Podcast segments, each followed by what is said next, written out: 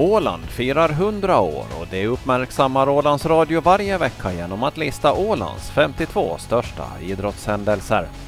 Bowlingen gjorde sitt inträde i det åländska idrottslivet på 1960-talet och 1977 kom ett mycket överraskande FM-guld i lag. IFK Mariehamn vann i Tammerfors. På den tiden lockade bowlingen många till hallarna och Robert Kvarnström och Hilding Mattsson från Guldlaget minns inledningsvis tillbaka i tiden. Ja, det var, det var mycket spelare. Det var cirka 300-400 och då höll vi på också med firmabobbling. Så det var mycket, mycket då. Det har ju minskat undan för undan tyvärr, men eh, på den tiden var det mycket. Och då hade vi ju två hallar också. Eh, den, två banor här i idrottsgården och så hade vi norra hallen som hade fyra banor som de utökade sen till sex banor. Så på den tiden såg det bra ut. Eh, ja men vad fanns det för liksom klubbar som, som folk spelade i på den här tiden? IFK fanns och så fanns det kanske något till? Jo, Jomala var Fem- ganska Det stor fanns för 15 klubbar ett tag. 15 klubbar? Ja, det var, Jo. de var ju visserligen så stora många av dem, Jomala IK var ju kanske den största föreningen. Och sen IFK, Jo. hade vi Kalmers, hade, Kalmers hade ganska bra gäng, jo. det var väl lite kombinerat firma och Jo, vanligt. just det. Så det var stort utbud av föreningar och det blev ju lite kaos sen när vi fick bara två banor helt plötsligt. Så att med tanke på det så är ju den här, vårat FM-guld, ganska bra prestation tycker vi själva åtminstone. Att, att vi kunde hävda oss ändå. Men i ärlighetens namn kan vi säga att vi var ju ganska mycket runt och spelade både i Finland och Sverige och skaffade oss både kunskap och rutin. Och, och sen hade vi ju rätt lagsammansättning också. Vi var ganska rutinerade och hade lite ungdomlig passion också. Så. Nej. och sen, vi gav aldrig upp. Nej, det var nog ett, ett kännetecken. Riktigt kriga. Vi hade som målsättning att vi skulle klara... Nu är det en ganska kort distans det här FM fyrmanna. Det är tre serier så det är ganska... Det får liksom ingenting får fallera om man ska ha någon chans att hävda. Så vi hade...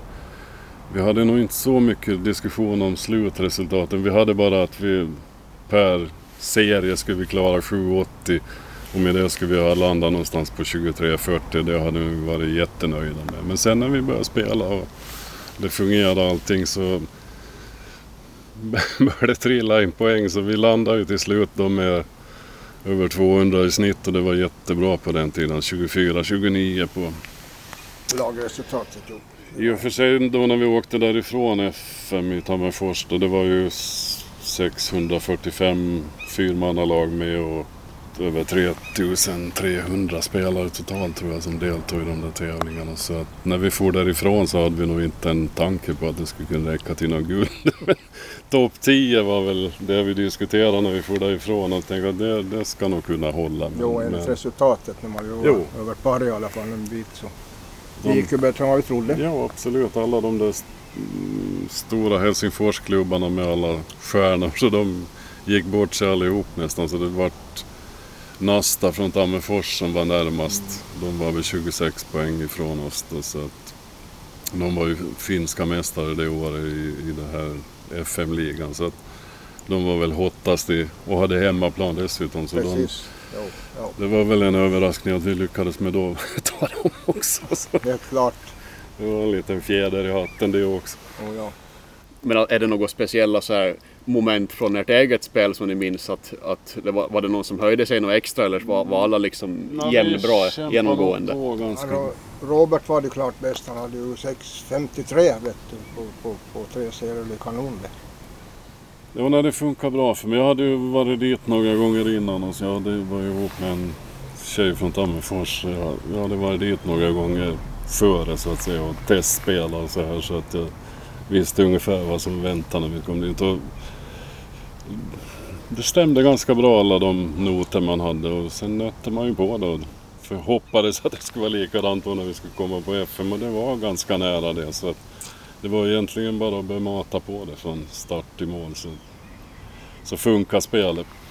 Men, men alltså hur stort skulle ni säga att det här guldet var liksom för, för åländsk bowling? Var det, var det lite sensationellt ändå? Jo, absolut. Helt absolut. Jo, nej. det var... Man har inte ens kunnat Nej. drömma om det. Inte ens i våra Nej.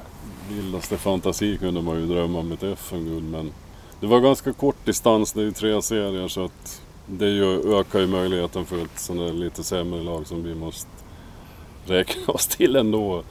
När vi gick in i tävlingen så, så det var väl det som gjorde att vi hade, när vi fick vårt spel att fungera alla fyra så att, ganska bra så att gjorde att vi kunde hänga med där. I, hade det varit åtta serier, lite längre distans hade vi nog fått svårt att hålla den, den placeringen i alla fall.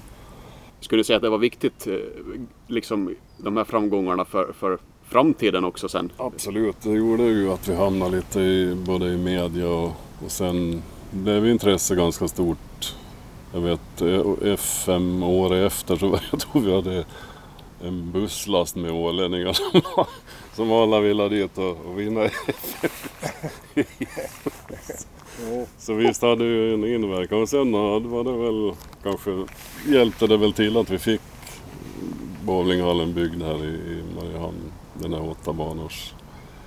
Jag tror att det hade en, en ganska stor inverkan. Vi, sen gick ju det ganska bra för oss i de här tävlingarna som kom efter också. Både riksserie och, och andra. Bert fortsatte ju ganska länge där och spelade och sen fick vi ju Perra Gustafsson kom ju till IFK sen också Ja. och började bomba på så det hade ganska stor betydelse. Det hade, Men skulle ni säga att ni blev lite, lite kända på hemmaplan i och med det här också? Eller hur, hur stort var det liksom lokalt? Ja, nog lite. lite kändis. Jo, jag. det var vi det fick ju ganska förstås. mycket uppmärksamhet nog. Det fick man nog. Jo, det, man trodde inte att det var sant heller. Vet du. Så- det var lite sådär jo. Och lite respekt fick vi ju på andra sidan, på finska sidan också sen efteråt. Det märkte man ju att man, det var många som ville slå oss sen när vi... Jo, det är klart. Kommer man från Åland så vill man alla slå. Man kommer till andra Ja, sidan. och sen i en sån där tävling och kommer ett åländskt Jo. gäng och tar hem guldet så det är klart att det irriterar säkert. Så Men, men hur mycket tränar ni den här tiden? Eh, Jag förstår att det var, var, var tre stycken av er som, som jobbar på idrottsgården till och med. Så ni hade väl kanske ganska goda förutsättningar att Ja, träna? vi tränar ju tidigt på morgnarna innan jobbet börjar och så här så att vi var nog väldigt bra förberedda. Och sen, jag som kommer från en sån här fysisk idrott som simning så visste ju att kondition är ju A och O om man ska kunna få till det även i bowling. Alltså, fast man skulle kunna tro, många säger ju att det är en gubbsport men det är ju helt fel. Så vi hade nog ganska bra på den biten också. Att vi hade bra fysik och, och bra rutinerat gäng med bra inställning. Så.